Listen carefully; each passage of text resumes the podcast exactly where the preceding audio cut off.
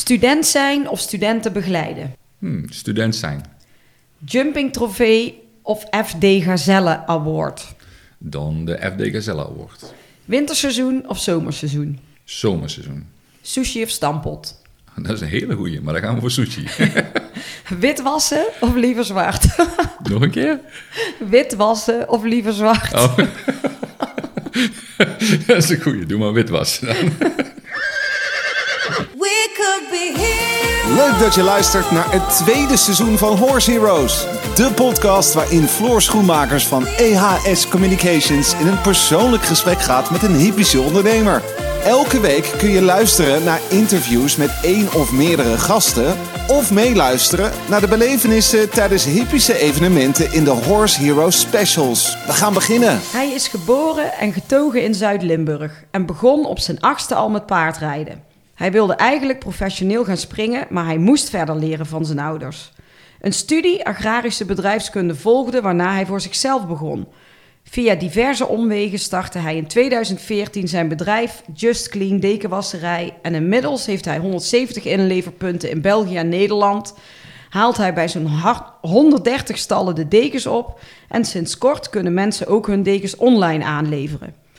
Hij is voorzitter van Jumping Bossenrijden in Koningsbos en vindt het leuk om zich te verdiepen in de psychologie van de mens en de werking van onze hersenen. Hij is enthousiast, ambitieus, passievol, doelgericht en architect. Zijn hele verhaal hoor je in deze Horse Heroes podcast met vandaag de gast Harry Hoebe. Welkom. Ah, Harry, goedemorgen. Ja, bedankt voor de uitnodiging. Ja, leuk dat je er bent. Ja. En ehm, ik ben eh, even wel eh, benieuwd natuurlijk als eerste naar jouw verhaal. We hebben hier een korte intro gedaan, heel kort uitgelegd eh, wie is Harry Hoebe. Ja. Kun jij ehm, iets meer vertellen over, ik denk dat we eerst heel eventjes beginnen over jouw bedrijf. Wat Mhm. doe jij? Wat heb jij voor een bedrijf? En gaan we daarna even terug hoe je daar bent Terug gekomen. Oké. Ehm, nou goed, ehm, je zei het al, in 2014 heb ik eh 1, 2, 3 paardendekenwasserij opgezet. En ehm, afgelopen jaar in 2020, nee 2000, ja 20 ja, het is nu 21, ja, heb ik eh, het de naam veranderd naar Just Clean. Ehm, en we zijn in 2014 dan begonnen, maar ehm, met de inleverpunten die we al hadden. En gaandeweg zijn er heel veel klanten bijgekomen. En dat zijn vaak de internationale ruiters die we als klant hebben, zeg maar. Zowel in België als in Nederland, als ook een stukje in Duitsland. En vanuit daar ehm, ja, is het een beetje lastig om uit te leggen wat 1, 2, 3 paardendekenwasserij.nl is.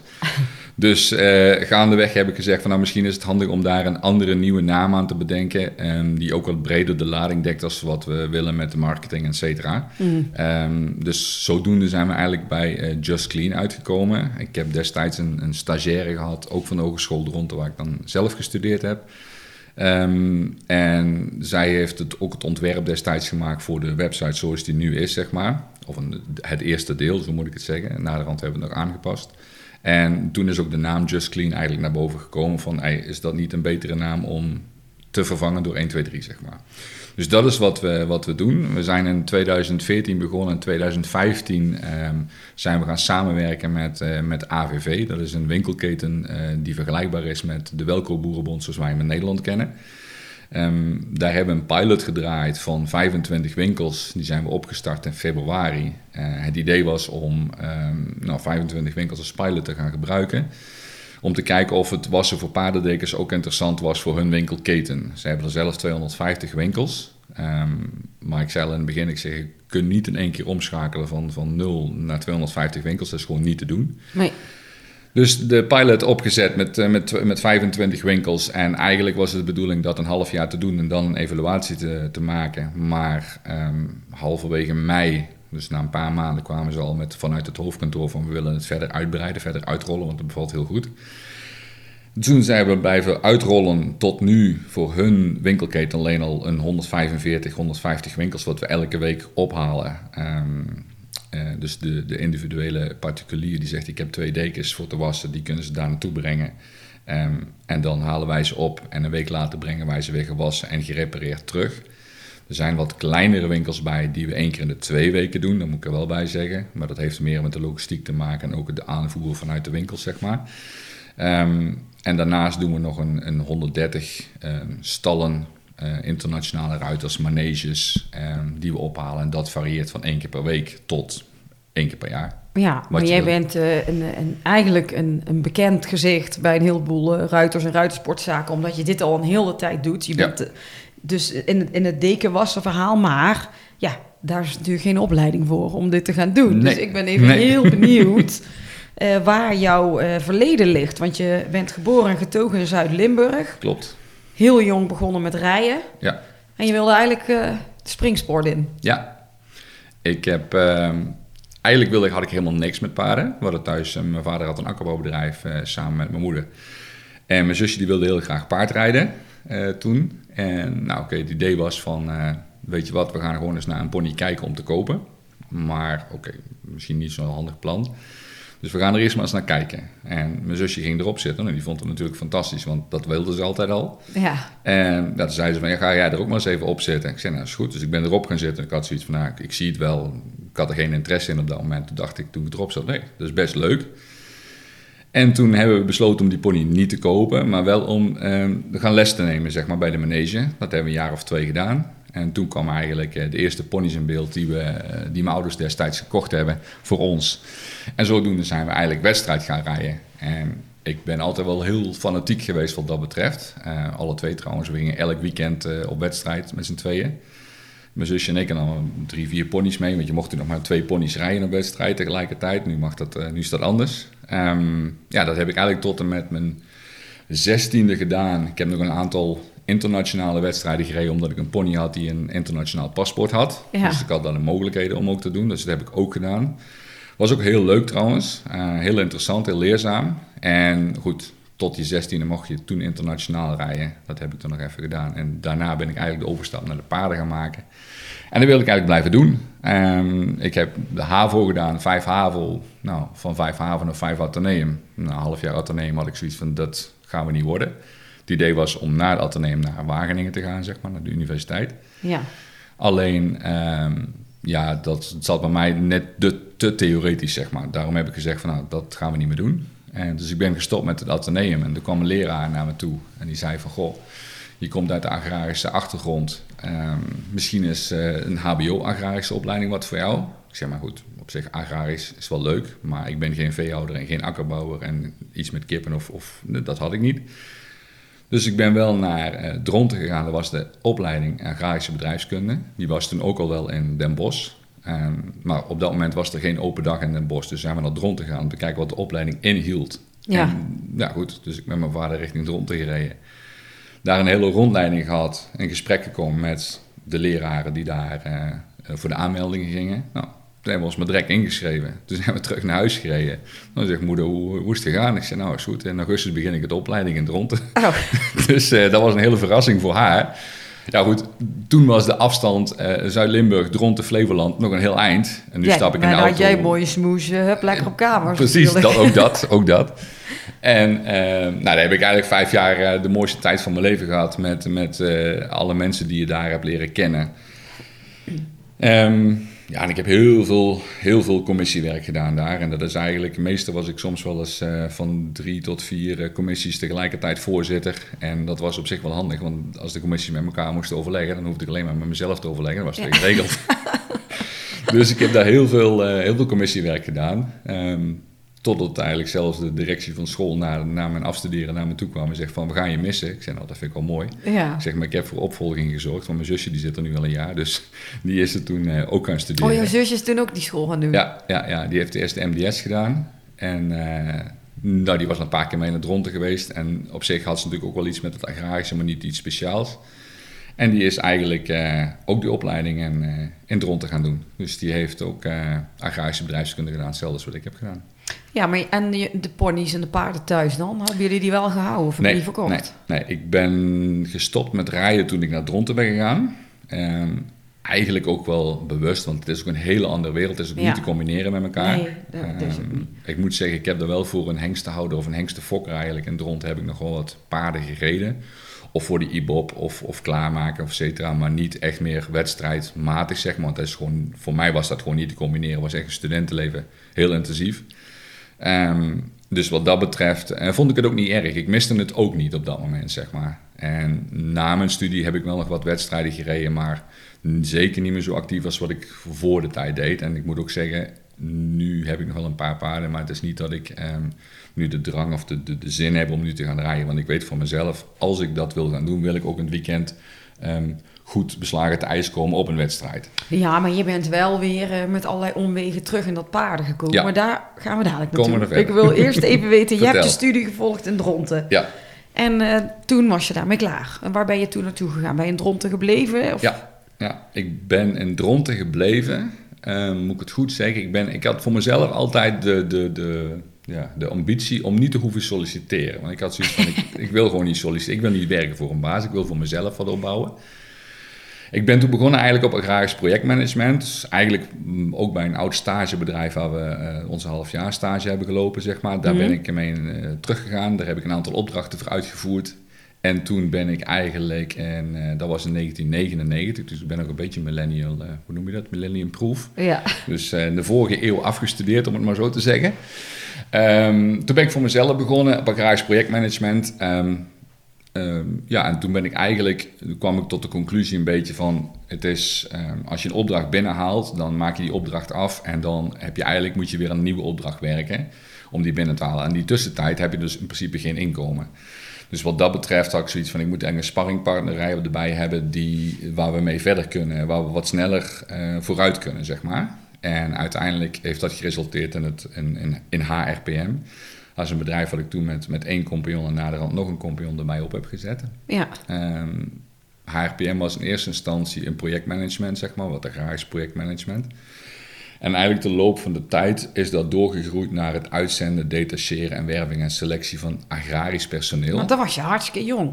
Ik was toen, eh 2003, heb ik dat opgezet. Ja, maar dan was je 22, 23, zoiets? Nee, 24? goh, nee, goh, ik moet gaan zelf gaan denken. Ehm, nee, ik ben 24 word ik afgestudeerd. Dat was in 99, dus dat is vier jaar later. Dus rond 28, 27, 28 denk ik dat ik dat opgezet heb. Oh, maar je hebt eh, na, dus in die vier jaar heb je dat andere, dat eerste bedrijf mijn gedaan. eigen, Ja, ja. ja, oh ja. Ja, dus ik heb eerst een aantal jaren voor mezelf gewerkt. En na de rand zijn we eigenlijk HRPM gaan opstarten in 2003.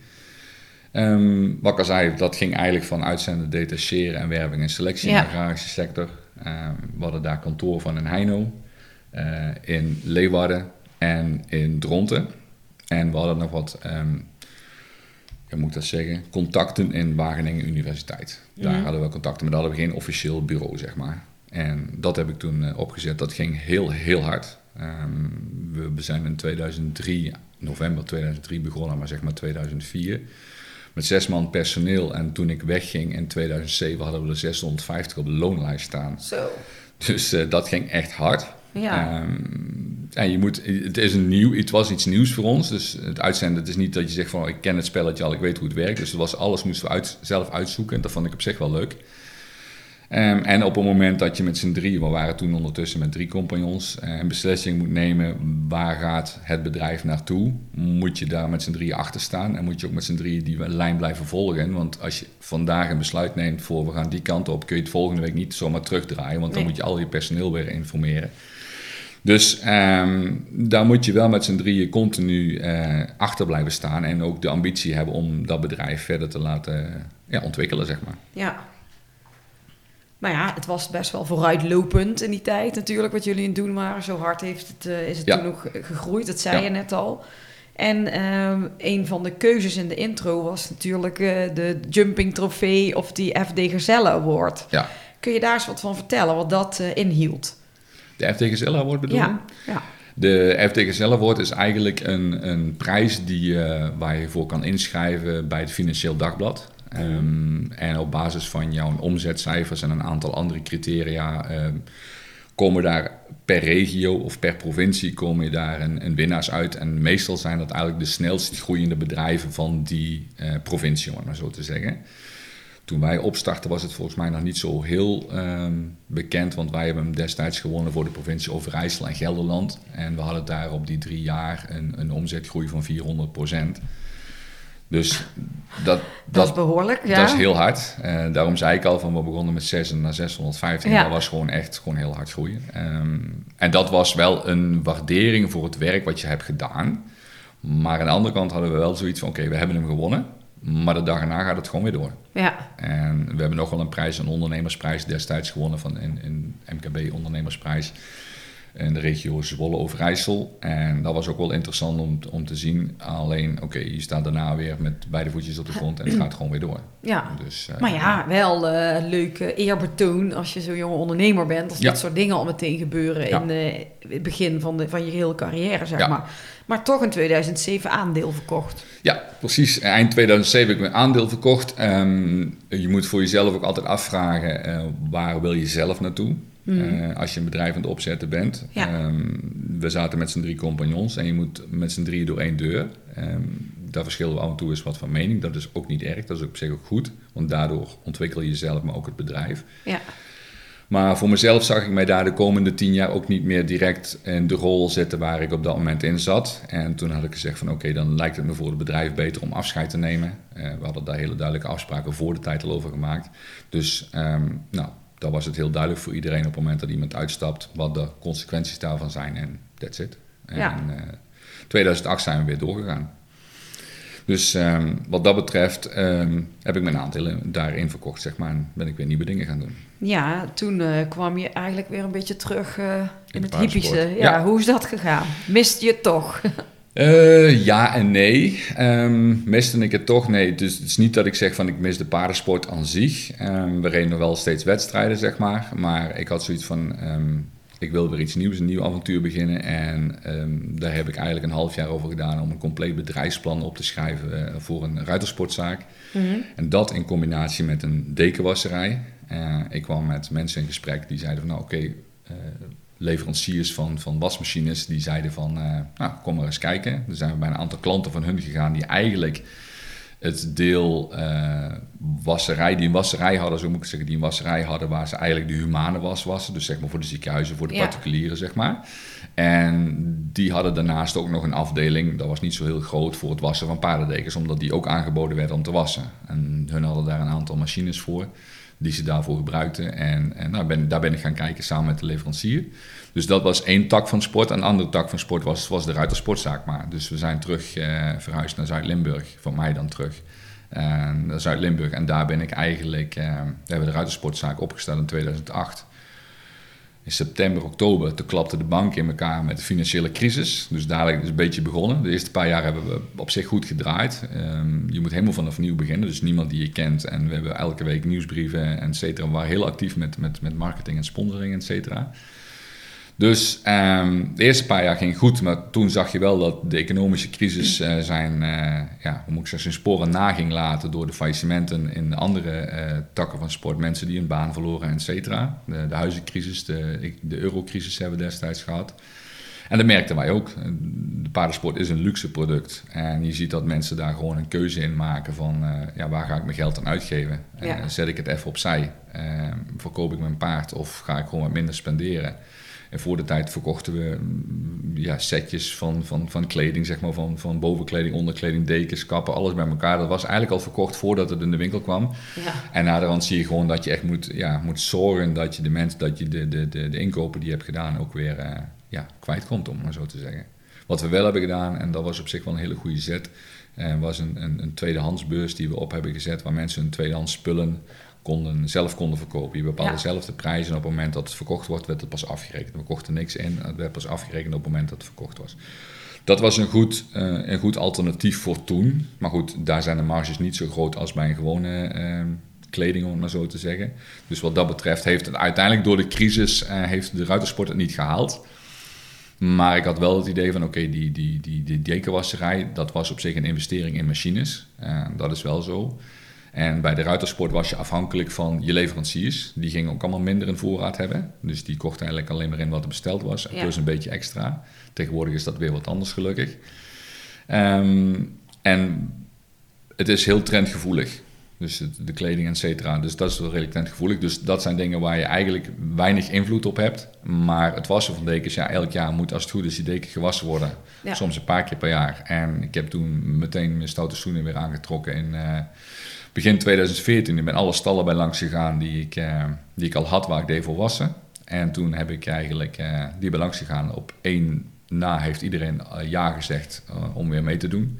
Dus ik ben eigenlijk in 2014 ben ik weer opgestart met het wassen van dekens. En ehm, ja, ik had geen inleverpunt. Bij ons brachten ze in het begin altijd in de winkel binnen. Alleen dat had ik dus nu niet meer. Dus toen ben ik eigenlijk bij eh, de AVV, eh, bij de buren terechtgekomen. Daarmee in gesprek geraakt. En, en dat was de Nederlandse tak van AVV. En naderhand in 2015 eigenlijk eh, met de Belgische tak in, in, in aanraking gekomen. En dat doen we eigenlijk nog steeds al zeven jaar, naar tevredenheid.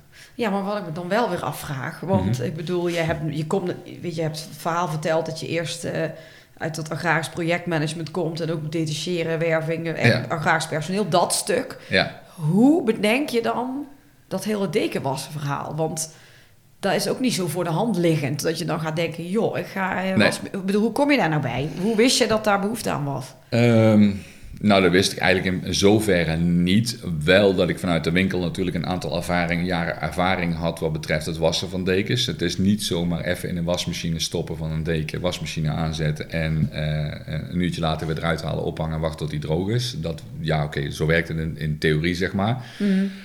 Maar in praktijk zijn, komen er zoveel meer andere dingen bij kijken bij het wassen, het goed wassen van een paardendeken. Ehm, hoe ben ik daarbij gekomen? Eigenlijk door die leverancier van die, van die wasmachines. Daar was ik wel door getriggerd. Door te zeggen van oké, het is een, nu is het veel meer voor ons, nu veel meer een logistiek proces geworden dan dat het, hè, het simpel wassen van een paardendeken is. Dat vind ik mooi om op te zetten. Het is iets nieuws. Ehm, alle dingen die we doen, die we, die we ontwikkelen, moeten we allemaal zelf uitvinden. Ja. Eh, dus ehm, pff, noem het op, rekken die ophangrekken. eh, eigenlijk van alles, dat, het borstelen van dekens. Ja. Nu krijg je dekens binnen, er zit gewoon een pak haar in. Waar je u tegen zegt dat je denkt van ik heb de pony meegegeven eh, om te wassen. Ehm, ook daarin, dat soort dingen, allemaal borstels uitproberen. Eh, we zijn zelfs met, met, met, met een soort van machines maar dat we het machinaal kunnen doen. Alleen daar heb je te weinig grip op, zeg maar. Dus dat is te, te rigoureus. Ja. En als het fout gaat, gaat die deken kapot. Dat willen we dus ook niet. Ehm, ja, hoe ben ik erbij terechtgekomen? Ik, ik, ik zag gewoon dat daar markt voor is. Voor mijn gevoel dat daar markt voor is. En uiteindelijk blijkt het ook zo te zijn. Alleen je moet het wel goed over nadenken hoe je het zeg maar organisatorisch neerzet. Want we zijn nu met zeven mensen. Ja. Ik ben in, in mijn eentje begonnen in, in 2014. Ik deed 3000 dekens in mijn eentje. Die haalde ik op. Die deed ik zelf wassen. Die deed ik zelf schoonmaken, inpakken en repareren. En zodoende is dat een beetje bij beetje blijven groeien, zeg maar. En nu doen we er, eh, als het mee zit dit jaar, rond de 30.000 dekens eh, wat we nu wassen, zeg maar. Hoe ziet een eh, dag uit het leven van Harry eruit? Goeie vraag. Eh, voor corona of na corona? Ja, Of verschil? alle- ja, ja, ja, ja. Voor corona deed ik niks anders dan autorijden, naar de klanten toe, dekens afgeven, inladen en weer verder. S'morgens vroeg om, ligt eraan, tussen, tussen zes en zeven in de auto stappen en dan gewoon niks anders vijf dagen in de week rijden. En eh, dat was een 140, 150.000 kilometer per jaar wat ik Ja, dat reed. is toch maar. niet normaal?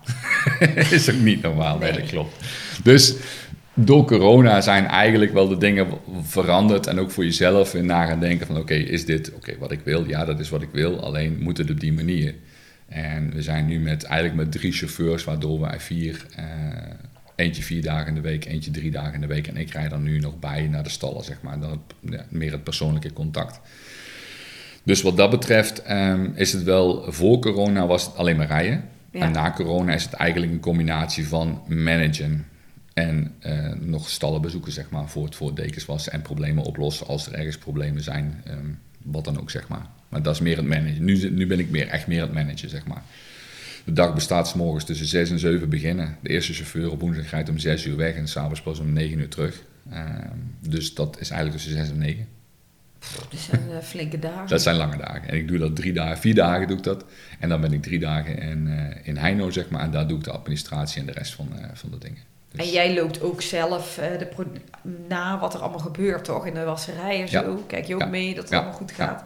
In principe hebben we het systeem zo ontwikkeld dat eigenlijk iedereen zijn eigen systeem heeft. Dus zowel het schoonmaken, het inpakken, het wassen, het repareren eh, in de auto's. Iedereen heeft het, het systeem ontwikkeld dat het voor iedereen duidelijk is wat er moet gebeuren. En op het moment dat iemand ziek is of iemand uitvalt of iemand, iemand moet vervangen, dan is het heel duidelijk van oké, dat gebeurt daar en dat gebeurt daar. Daar hoef je eigenlijk in principe geen vragen meer over gesteld te worden. En dan is het daarnaast is het gewoon kijken van oké, komt er een spoedje tussendoor eh, die sneller gewassen moeten worden of eh, zijn er andere dingen die geregeld moeten worden, dan, dan is dat eigenlijk mijn taak, ja, nu op dit moment. Wat is de grootste gok die jij ooit hebt genomen met dit bedrijf? Om met dit bedrijf. De grootste gok, ja, dat vond ik wel, is wel grappig. Ik werd vanuit eh, het hoofdkantoor van AVV gevraagd om ook Wallonië te gaan doen. Maar Ja. sinds eh, drie avonden wordt geen, geen woord Frans meer gesproken. Ja. Dus toen heb ik gezegd van, ja, dat wil ik wel doen. Dat is op zich mis- misschien niet de grootste gok, om het maar zo te zeggen, maar dat was wel een grote gok. Want eh, hun hebben ook heel veel winkels in Wallonië zitten. En in Wallonië wordt eigenlijk hoofdzakelijk alleen maar eh, Frans gesproken. Dus dat was voor mij eh, wel een, eh, een dingetje. Dus ik heb met, met het hoofdkantoor hebben voor mij alle documentatie vertaald in het Frans. En ik ben gewoon de boer opgegaan, cd'tje in de auto eh, geplukt en gewoon Frans gaan leren. Ja. Dus we spreken een klein, klein, klein woordje Frans. Dus ik, ben, ik kan me wel verstaanbaar maken en ik versta meestal ook wel, of begrijp in elk geval wel wat zij bedoelen, zeg maar. En anders gaat het vaak per mail. Dus ja, dan, maar dat is eh, wel leuk dat je het toch gewoon elke keer door blijft ontwikkelen in alles. eh maar Ja. jij bent ook zo'n ondernemer, hè? Dat, dat weet ik een beetje van jou, dat jij veel eh, informatie overal vandaan haalt en eh Ja, ik vind het, geïnteresseerd bent in van alles. Ik vind het super leuk om te doen. Ehm, maar ik, moet, ik kan slecht tegen stilzitten en stilstaan. Zeg maar, stilstaan voor een bedrijf is zeg wel stilstaan als achteruitgang. Dus ik ben wel toch continu eigenlijk geïnteresseerd in hoe je dit bedrijf en in het algemeen alles door kan ontwikkelen, zeg maar. Vorige week was ik op een congres voor eh, Shopping Tomorrow. Dat is dan van hoe alles gaat nu online, zeg maar. Waar de, de, ja, die grote webshops hun presentaties doen. En nou, binnenkort gaan we dan naar een logistiekbeurs en naar een wasserijbeurs. Gewoon om nieuwe ideeën op te doen. eh, om te kijken van hoe we ja, efficiënter, sneller eh, kunnen wassen, zeg maar. En wat is jouw interesse in dat stukje psychologie van de mens? Hm, dat is een goede vraag. Ehm, ten eerste is het het ontdekken eh, van jezelf, zeg maar. Eh, wat, wat, wat, eh, nou moet ik het uitleggen? Om jezelf te ontwikkelen is het handig om te weten hoe je ehm, manier van denken werkt en hoe je hersenen werken, zeg maar. En op het moment dat je daar, zeg maar, boven staat en ziet waarom bepaalde mensen bepaalde dingen zeggen of doen, dan kun je hun beter begrijpen. En op het moment dat je dat van jezelf beter leert begrijpen, leer je ook iemand anders beter begrijpen. En eh, ik ben er eigenlijk in de auto, omdat ik heel veel in de auto zat, van die podcast gaan luisteren en cursussen gaan volgen online. Dus gewoon oortjes in de, of op de, op de radio aansluiten en dan gewoon niks anders dan luisteren. En wat je dan merkt zijn eigenlijk drie dingen. Sommige dingen doe je goed en, en daar is niks mis mee. Dus dat gaat allemaal eigenlijk volgens plannen, om het maar zo te zeggen. Ja. Sommige dingen doe je goed, maar kunnen beter. En sommige dingen heb je nog nooit van gehoord. Dus dan denk je van, hoe kan dat dat ik dat nog nooit van gehoord heb? En op het moment dat je weet hoe dat werkt en je gaat dat toepassen en je... Kun je daar een voorbeeld van noemen? Ah, goeie vraag. Ja, het is, het is heel, heel breed eigenlijk. Heel breed. Maar ik kan wel een voorbeeld noemen. Ik zat veel op de weg. Ehm, en dat, gaat, dat heeft ermee te maken van ehm, welk verhaaltje, welke verhalen vertel jij jezelf elke dag? Op het moment dat je gewoon in gedachten zit, welke gedachten heb je dan? Ja. Gaat dat dan over je werk, of gaat dat over privé, of gaat dat over een, een, een medewerker, of gaat dat over een klant, of wat dan ook. Maar hoe ga je daarmee om? En van origine, dat zit gewoon in onze, in onze mens, gaan wij altijd uit van het negatieve. Dus de eerste gedachte, en daarom is het nieuws altijd negatief getint, want dat is het nieuws wat we interessant vinden, zeg maar. En het meeste naar geluisterd wordt, maar ook de meeste kijkcijfers op gewaardeerd worden, zeg maar. Clickbait noemen ze dat Ja. ook. Ja, dus hoe negatiever het nieuws is, hoe interessanter het is voor onze hersenen om het te horen. Ja, Iets positiefs, dat vinden we normaal. Dus dat is niet interessant om te horen. Ehm, en, en iets heel simpels, eigenlijk onderweg, dat merken, we, dat merken wij gewoon allemaal. Ehm, op de snelweg, als je op de snelweg zit en dan komt er eentje achter je opvliegen en die begint met de lampen te knipperen en doen. Wat doe je dan? Wat doe jij bijvoorbeeld? nou, dan steek ik een bepaalde vinger omhoog waarschijnlijk. Of je trapt op de rem of eh, dat soort dingen, zeg maar. En dat is heel logisch. Maar op dat moment stap je eigenlijk in de realiteit van die andere persoon. ja, Dan ga je uit je eigen realiteit. ja, inderdaad. Terwijl je gewoon relaxed aan het rijden bent Precies. en niks En als dan, kijk, als jij nou eh, eh, vrachtauto's in het halen bent en er is gewoon geen plek om terug te gaan naar rechts, bijvoorbeeld, dan kan diegene die achterop jou rijdt ook dat zien. Dus die kan gewoon ook weer normaal remmen, niks aan de hand. Maar op het moment dat jij dan wel, dat die achterop jou komt rijden en eh, jij stapt eigenlijk in zijn realiteit, dan denk je van oké, maar de truc is dan eigenlijk om niet in zijn realiteit te stappen, maar in je eigen realiteit te blijven. Ja, En als je dat kan, door er gewoon niet op te reageren op dat moment, door te zeggen, nou oké, ik kan nu niet harder, ik kan ook niet vooruit, ik kan niet naar rechts, ik blijf, blijf me gewoon netjes volgen, dan stapt hij als het ware in jouw realiteit, zeg maar. ja, maar dat is wel... Ik zit erover na te denken hoe Mhm. dat inderdaad wel eens met... Met, met, als je ondernemer bent, wat met, Mhm. ook met klanten of met, met partijen waar je mee samenwerkt te Mhm. maken heeft. Ja, Ja, maar het is ook wel eens. Want soms krijg je wel eens van iemand een app of een mail. En dat kan ook privé of zakelijk, Ja, maakt niet uit. maakt en, dan, niet en dan lees je het misschien net verkeerd. Ja. En dat je dan denkt, oh, dan ga je daar, wil je daarop terugreageren. En dan ga je dus dat doen wat jij zegt eh, met degene die achterop je rijdt. En als je soms even een nachtje over slaapt of gewoon niet reageert. kijk, op het moment dat jij een appje krijgt van een klant of van wie dan ook, wat negatief getint is, dan heb je zelf al een bepaalde gedachte waar je in zit. En als die gedachte ook nog negatief is en je krijgt dan nog een negatief appje, wordt het alleen maar negatiever. Snap je? Ja. Dus op het moment dat jij met iets positiefs bezig bent en in die positieve flow zit, dan, eh, en dat kun je leren, dat is een kwestie van jezelf afvragen. Die negatieve verhaaltjes wat ik mezelf vertel, kloppen die wel? Want heel veel mensen denken, well, dat kan ik niet, of daar ben ik te slecht voor, of ik ben nog niet oud genoeg, of wat dan ook, zeg maar. Ja, Ehm, op het moment dat je daardoor je leven laat leiden, dan ga je jezelf alleen maar limiteren. Maar op het moment dat je zegt van ik ga daar de positieve kant van zien, door, eh, en ook die mensen die dan een negatief appje sturen, probeer het positief te benaderen. Hè, door te zeggen, oké, die is nu niet tevreden over wat ik heb gedaan, of wat er is gebeurd, of, of wat dan ook, zeg maar. ja. Maar draai het om en zeg van oké, het is nu niet leuk, maar als we het zus en zo doen, dan, Dan wel. dan kun je daar wel weer iets positiefs uit halen. ja. En dat is iets waar je wel, ehm, wat ik zelf super interessant vond, wat ik, wat, ik, wat ik in het begin nog niet zo direct zag, maar wat ik na de rand van zei, oké, als ik het op die manier benader, en heel eerlijk, Is het ook zo? het is werkt, maar je moet je er wel een beetje in trainen. Ja, En eh, er zijn verschillende type gedachten die je dan hebt, zeg maar.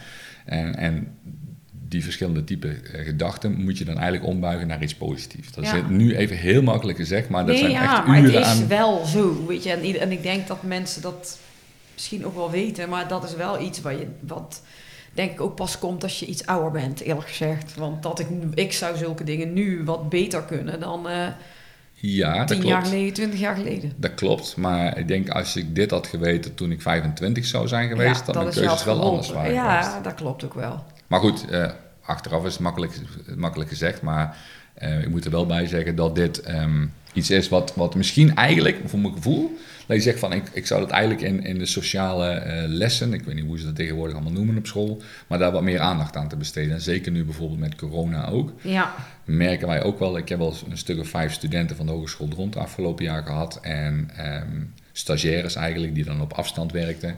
En daar merk je wel aan die mensen, maar ook los van de jongere generatie, ook de oudere generatie. Als je in die negatieve molen terechtkomt, ja. dan wordt het alleen maar erger. En dan zie je ook het positieve niet meer. En dat is, dat is wel jammer. Maar heeft dit, want eigenlijk wil ik niet te veel meer over corona hebben, want Nee, daar nee. zijn we eigenlijk uit. Maar ik ben nou toch wel benieuwd, nou, dat nou je daar heel even iets over zei. Ja. Heeft het jou eh, veel gedaan, ook privé, toen die hele coronaperiode was? Of kon jij er goed mee omgaan? Nee, ik kan er relatief makkelijk mee omgaan. Ehm, voor ons bedrijf heeft het vorig jaar betekend, wij mochten in België hadden ze dus een, een, een hoe noemen ze het ook alweer?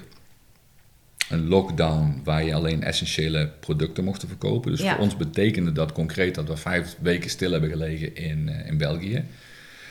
Dat betekent omzet min 80 in april vorig jaar. Dus ja, dan min 80% in de omzet. Dus dat gaat heel hard. Ja. Eh, ik heb vier mensen naar huis moeten sturen. We hebben dat wel sociaal eh, allemaal wel kunnen regelen. Ook met eh, de uitzendbureaus waar we ze op dat moment van inhuurden. Zeg maar. Dus dat is allemaal wel goed afgelopen.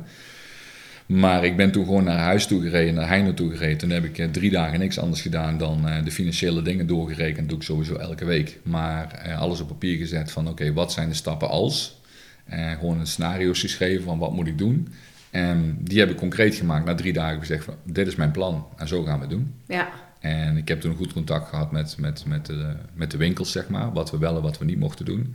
En eigenlijk vijf weken later zijn we weer opgestart, maar wel aan ons plan gehouden. Want je ziet in de corona natuurlijk heel snel, ja, het wordt weer versoepeld, het wordt weer verstrengd, het wordt weer versoepeld. Zo gaat dat eigenlijk een yo-yo effect wat we de afgelopen jaren hebben gezien. Zowel in Nederland als in België.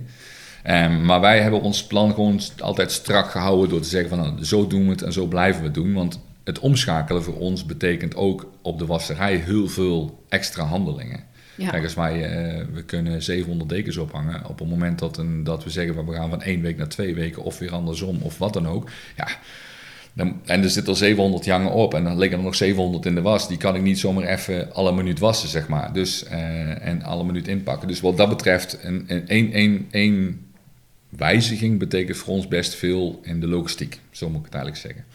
Daarnaast heb ik gewoon gezegd, met corona, we trekken ons eigen plan, we blijven dit volgen en that's it. En uiteindelijk heeft dat goed, goed gewerkt. Ja, maar jij bent eh, sowieso wel een ondernemer die eh, van plannen houdt. Die vooruit werkt en vooruit kijkt Ja, en eh, met ja. agenda's werkt. En Ja. dat vind ik wel leuk om te zien. Dat je dat, bij jou is het nooit zomaar, zomaar. Dat wordt altijd... Nee, maar is dat wat jij hebt gedaan, wat ook een beetje komt uit die studietijd, dat je toen in die commissies werkte en een hoop dingen moest plannen en regelen en vooruit bedenken? En, of zit dat in jou? Waar komt dat vandaan? Ik denk dat ik dat altijd wel heb gehad. Ook met mijn ponies die ik vroeger reed, de paarden voor andere mensen reed, zeg maar. Ehm, heb ik dat altijd wel gehad. Ik heb, ik heb, ik heb een paard, ik weet wat, wat die kan. Ehm, en dat is mijn plan. Ja, En in die commissies heb ik dat ook gedaan. eh, ook, ook met mijn studie zelfs. Ik heb elk half jaar, dat is grappig nu je het zo aanhaalt. eh, elk half jaar had ik een doel. Toen ik studeerde van oké, dit wil ik dit jaar, dit half jaar wil ik dit en dit en dit leren. ja. En daar heb ik die en die commissie voor nodig. En als ik daarvoor gevraagd word, dan wil ik dat bereiken, zeg maar. Elk half jaar mijn doel eigenlijk leggen. En dat doe ik nog steeds. We zijn- ja, je weet zelf wel, we zijn vorig jaar met, met social media begonnen. Ehm, daar heb ik een plan mee. Ja. Eh, en dat plan werkt toevallig zo uit zoals we het bedacht hadden. Maar werkt het plan niet zo uit, dan moeten we ook schakelen en zeggen van oké, we passen het aan. Links en rechts en we gaan weer verder. Ja. Het is niet dat ik mijn plan tot het oneindige daarin blijf eh, volgen, zeg maar. ja, maar dat zijn wel leuke tips voor mensen die nu luisteren. Ook Ja, ik wel. Van het. hoe doen andere ondernemers iets? Weet je Ja. wel, jij dit zo. Ik vind dat, ik vind dat wel voor mezelf ook heel eh, inspirerend om te horen in ieder geval. We gaan eh, even naar een stukje eh, muziek eerst. ja. Want we doen altijd een, iets met een nummer wat eh, belangrijk is of wat, een herinnering is voor, eh, voor de gast. Wat eh, is dat nummer bij jou? Nou, dat is eigenlijk wel een nummer. Het is niet mijn lievelingsliedje, zoals ik al heb aangegeven. Het is eigenlijk een liedje wat gedraaid is bij de, bij de uitvaart van een beste vriend van mij toen de tijd. En ook een compagnon, want nadat ik afgestudeerd ben, was hij eigenlijk het, de compagnon waar we ons eh, VOF mee hadden opgezet, zeg maar. En hij is toevallig ook op mijn verjaardag eh, verongelukt, om het maar zo te zeggen. Jeetje. Ja, ja, ja. Dus eh, wat, dat was wel heftig impact. En ik spreek toevallig nog wel eens, ja, toevallig een paar weken geleden, oud huisgenoot van mij van de studententijd. En ook een tijdje geleden ook een, een andere huisgenoot van mij nog even op bezoek geweest. En elke keer komt dit weer terug. Ja. Elke keer komt die uitvaart weer terug, zeg maar. Hij reed nooit te hard, altijd een gordel om. Dronk nooit achter het stuur. Dus wat dat betreft zijn er wel dingen die, waar je van zegt, dat is gewoon een voorbeeld chauffeur, om het maar zo te zeggen. Ehm, en daarnaast ook een goede vriend en, en, en studiegenoot. En eh, uiteindelijk ook compagnon geweest, niet heel lang. Het heeft maar zes weken mogen duren. Dus, ehm, en dat is eigenlijk het liedje waar we dan naar gaan luisteren. Is, dat is het liedje wat, eh, wat bij hem op de uitvaart ehm, gedraaid is. En ook een beetje het is bewust gekozen in de zin van dat het leven ook maar betrekkelijk is. We zijn hier maar een x aantal jaar op deze wereld. En ehm, dan moet je ook je leven ten volle leven, zeg maar. En dat is iets wat, wat ik achteraf wel hier weer ja, van geleerd heb en mijn plan heb mogen trekken, om het maar zo te zeggen. Dus wat dat betreft is dat wel een, eh, ja, een dingetje. Welk nummer is het? Ehm, als ik het goed heb, Lightning Crashes van Live. I can feel it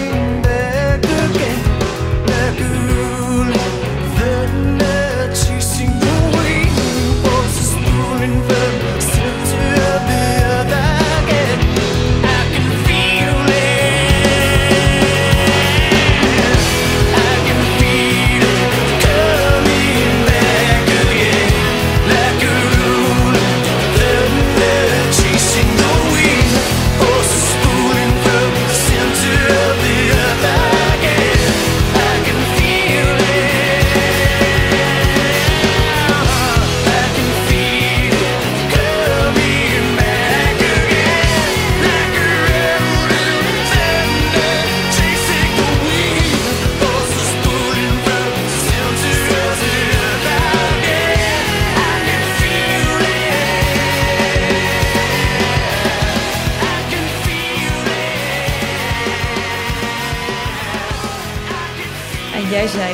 dat je daardoor ook weer een beetje beseft dat het leven betrekkelijk is. Mhm. En eh, dan kom ik eigenlijk eh, op mijn vraag van wat eh, zijn jouw toekomstplannen? Of plannen voor nu, wat je nou zou willen doen?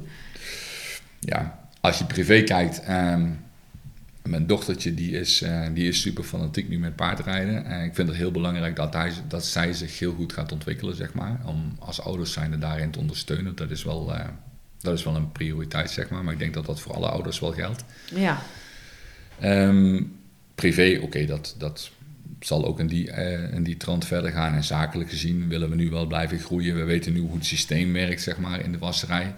Ehm, we willen nu echt van start-up echt naar scale-up gaan. In de zin van we blijven, we blijven groeien. We doen er nu 30.000 per jaar als het goed is dit jaar. Dus we gaan toch binnen nu twee, drie jaar naar, naar een 50.000 dekens eh, wassen. Dat is wel onze, tenminste mijn doelstelling zeker wel. ja. Dus eh daar komt nog heel wat bij kijken. Maar er gaat ook een nieuw onderdeel eh, Ja, komen. Of ja. Ja. dat is al gelanceerd. Ja. Dat ben je, dat zit in. Precies, er is een nieuw onderdeel. En in principe doen we nu, of deden we tot nu toe eigenlijk twee dingen. Dat was de, het ophalen van de dekens bij de winkels, die we een week later weer terugbrengen. En datzelfde geldt ook voor de stallen, voor de, voor de handelstallen. Ehm, met name voor de internationale ruiters deden we dat al eh, heel lang. Ehm, en dat betekent eigenlijk wat we maandag, dinsdag ophalen, de maandag, dinsdag erna weer teruggaat. Dus binnen een week is bij ons alles gewassen, gerepareerd. We hebben er wel eens spoedjes bij. Eh, dat is voor het Amerikaanse team, als je het zo mag eh, noemen, zeg maar. Ja, Ehm, wij doen sinds 2009 of 2010 doen wij alle dekens en dekjes wassen voor het eh, Amerikaanse springteam. Alle wedstrijden wat zij in Europa rijden.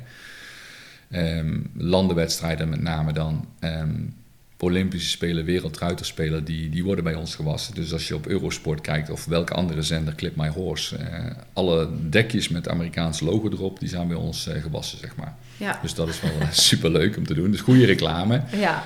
Voor ons blijven het gewoon dekjes, maar het is wel een speciaal gevoel als, je, als ze op de Olympische Spelen tweede worden van met, met een team, zeg maar. Tuurlijk. Dan heb je wel iets, zoiets van wauw, dat hebben wij eh, gewassen of dat krijgen we weer in de was. Ehm, en het derde onderdeel wat we eigenlijk al eigenlijk voor corona klaar hadden liggen, op de plank hadden liggen, is dat we het online tegenwoordig bij ons ook je dekens kan laten wassen. Dat klinkt een beetje gek, Ehm, maar je kan bij ons op de website kun je aangeven dat je, het gaat nu tot maximaal zes dekens. Voor de particulier die zegt ik heb twee, drie dekens om te wassen. Die kunnen ze online bij ons aangeven. Ik wil er drie laten wassen. Bijvoorbeeld twee nog waterafstotend. En ik wil ze eh, nog laten repareren. Er zijn een aantal keuzes in. Op het moment dat je dat door hebt gelopen, dan eh, kun je nog aangeven. Ik, wil, eh, ik heb een eigen verzenddoos om die dekens mee naar ons toe te sturen. ja. Of je zegt van ik heb een doos nodig, stuur mij er alsjeblieft eentje op. Dat kunnen we regelen. Dan ga je in principe naar de betaalmethode, zoals we die allemaal kennen. En je kan nog aangeven, we werken met DPD samen. Je kan in het laatste onderdeel aangeven of je je dekens ehm, terug thuisgestuurd wilt krijgen. Of dat je ze wil gaan ophalen bij een DPD pakketpunt, zeg maar, of een pick-up punt, hoe ze het noemen.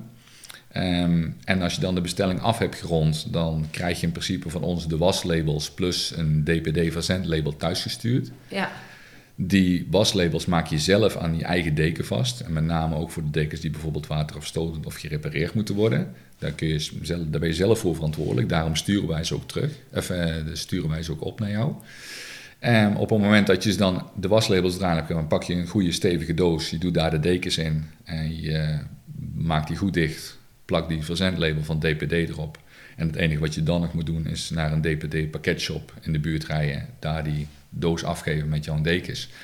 Dan komt hij bij ons binnen en op het moment dat hij bij ons binnenkomt is het zeven dagen dat hij weer terug gaat, zeg maar. Dus dat betekent, eh, als hij op maandag bij ons binnenkomt, gaat hij de maandag daarna gaat hij weer terug eh, gestuurd worden naar de klant. En dan afhankelijk van jouw keuze die je hebt aangegeven, wordt hij bij jou thuis afgeleverd of bij een DPD pakketshop. ja.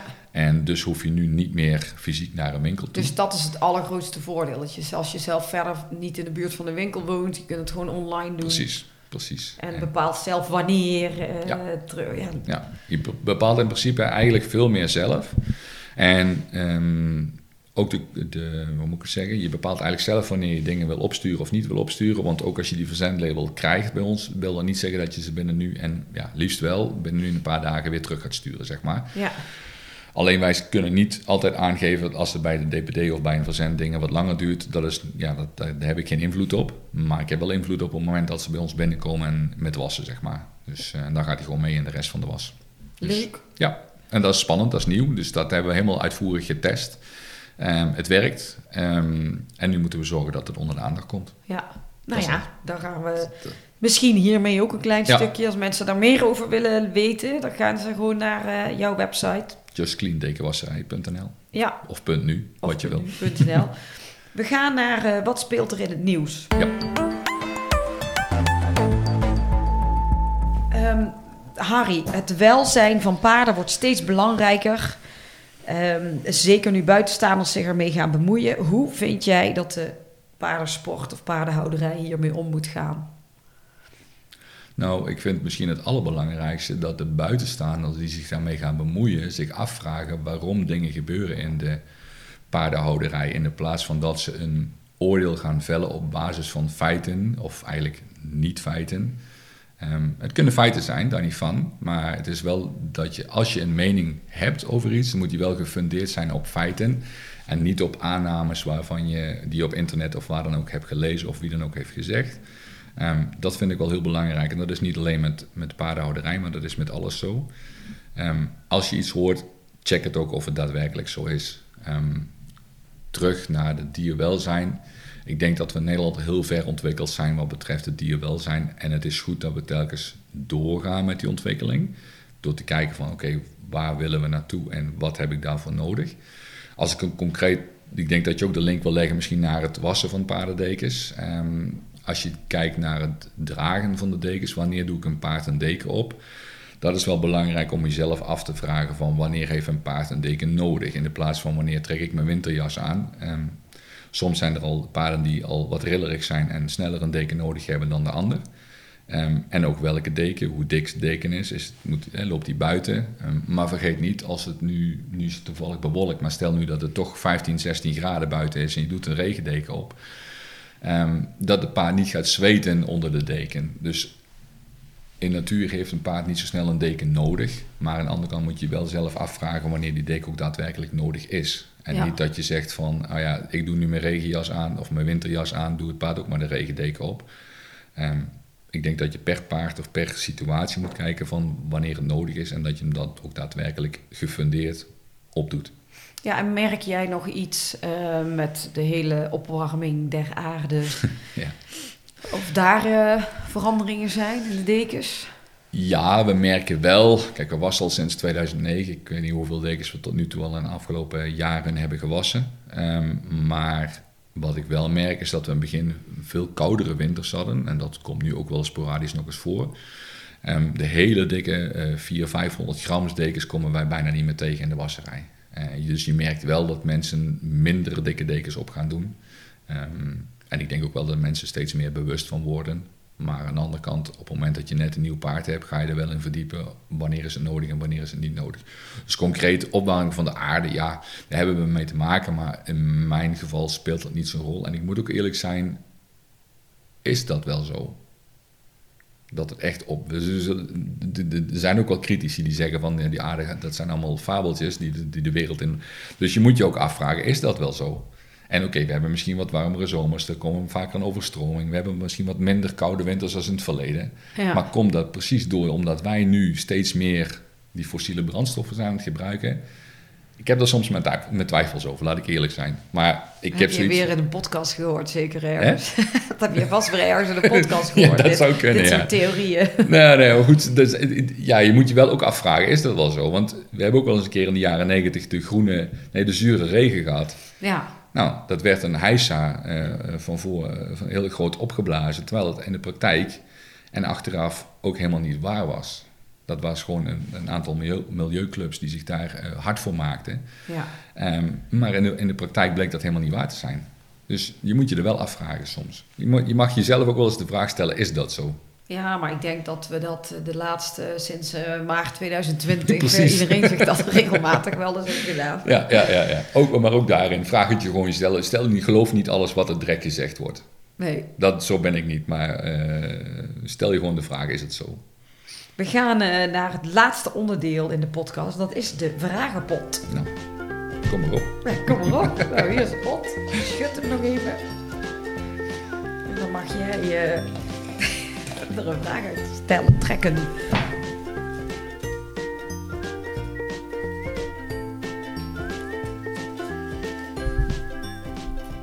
Hoe ziet jouw verre toekomst eruit? Goh, een hele goede vraag. Maar ik heb wel een plan. Die verre toekomst is waarschijnlijk een half jaar. Ja, precies. Wat, wat is verre toekomst? Ik denk, dat je het, eh, ik denk dat je het leven zo moet nemen zoals het is. Ehm, en op het moment dat, je, dat er zich iets voordoet, al is het bijvoorbeeld corona of wat dan ook, dan moet je gewoon schakelen en kijken wat op dat moment jouw plan wordt, zeg maar. Tenminste, zo sta ik erin. En heel ver in de toekomst kijken heeft weinig zin, want uit het verleden blijkt dat, hoe zeggen ze het ook al bij die reclame? Ehm, resultaten uit het verleden geven geen garanties voor de toekomst. Nee, dat dus, klopt. Ja, dus wat dat betreft, eh, ehm, maak er wat moois van. Ja, goeie. Volgende vraag. Ik heb wel een plan, zegt hij ook. Uiteraard. Nou ja, met welke beroemdheid zou jij wel een kopje thee willen drinken? Ja, wat is beroemd en wat is niet beroemd? Eh, ik zou er wel voor de koffie gaan, denk ik. Ja, ik dacht wel, je drinkt helemaal thee. thee. Ik drink eigenlijk bijna nooit thee. Welke beroemdheid... Het klinkt misschien een beetje- controversieel, maar als het echt zo zou zijn... dan zou ik wel eens met, eh, met Donald Trump een kopje koffie willen drinken. Oh ja, leuk. Ja. Waarom? Nou, het is niet dat ik achter zijn ideeën stond of sta wat, wat hij heeft gedaan, maar de manier van denken Ja, waar we het over hadden. Hoe kom je erbij om op die manier te handelen zoals hij heeft gehandeld en handelt? ja. Snap je? Wat zijn zijn achterliggende gedachten? Ik, ik heb wel een idee erover, alleen ik weet het niet. En zolang je het niet zeker weet, ja, dan is het zo. Dus dat zou wel eens iemand zijn waar ik gewoon een kopje koffie mee willen drinken. Om eens gewoon eens te kijken van wat zijn gedachten achter Gewoon gedachten. interessant hoe die is als er geen camera's op staan. Ja, bijvoorbeeld. Ja, snap ik. Zou ik ook wel, ook Ja. wel interessant vinden. Want hij heeft natuurlijk zijn belangen gehad in het verleden waarom hij minister-president wilde worden van Amerika. En, en hoe hij dat heeft gedaan, daar kun je voor of tegen zijn. Maar ik zou het wel interessant vinden om eens te kijken van hoe die dat, waarom hij dat zo heeft gedaan. Alleen Ja. zal hij dat denk ik niet gaan vertellen. Nee, waarschijnlijk niet. Oké, nou, we, we gaan van de koffie met Ja. Donald Trump weer naar de volgende vraag. Oké.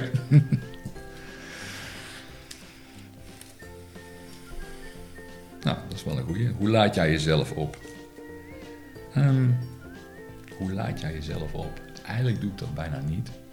Ik heb niet iets dat ik zeg van ik moet nu ehm, een paar dagen vakantie hebben. Ik heb bijna nooit vakantie. Het hoeft voor mij ook niet een vakantie. Ik kan, ik kan heel slecht eh, tegen eh, op het strand liggen, zeg maar, en dan eh, wachten tot de vakantie weer over is. Ja.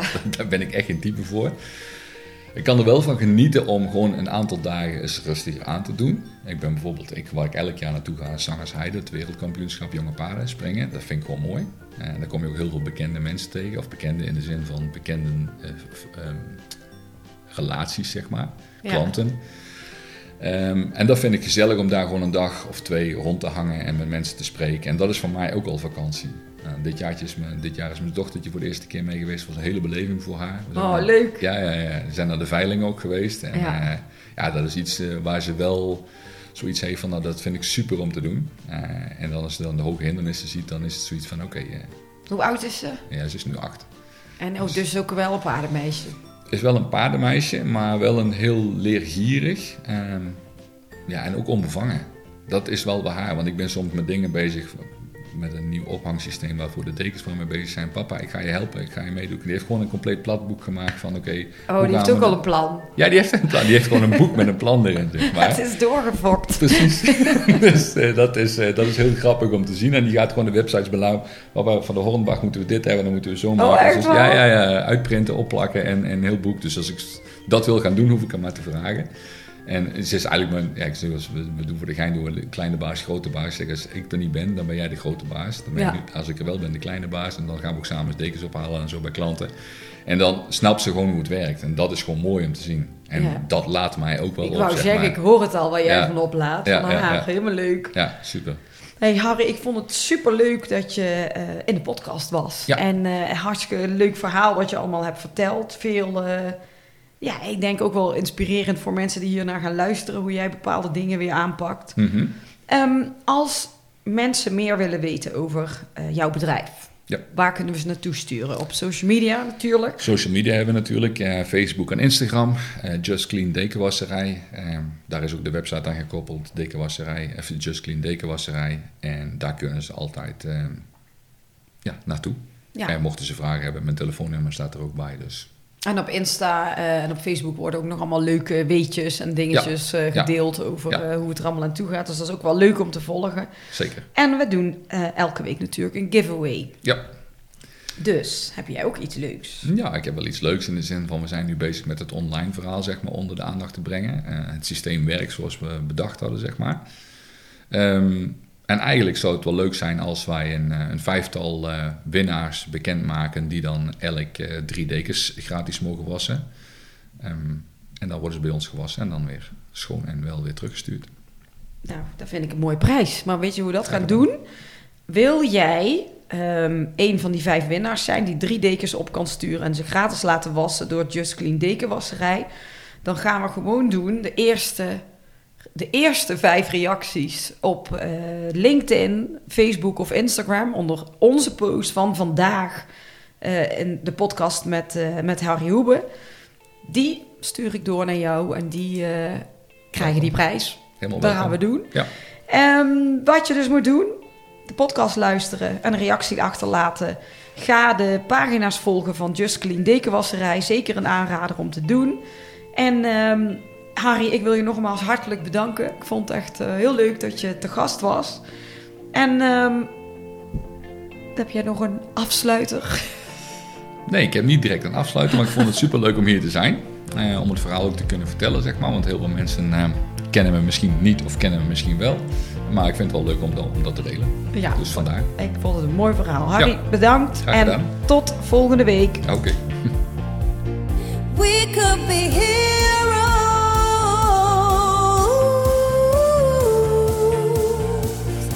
Dit was hem weer, de Horse Heroes podcast. Wil je meer weten over Floor, haar bedrijf of deze podcast? Kijk dan even op de website van ehscommunications.nl. En wat je ook zeker even moet doen, is je abonneren op deze podcast om geen enkele aflevering te missen. Het zou helemaal top zijn als je dan meteen een beoordeling achterlaat. Tot volgende week! We could be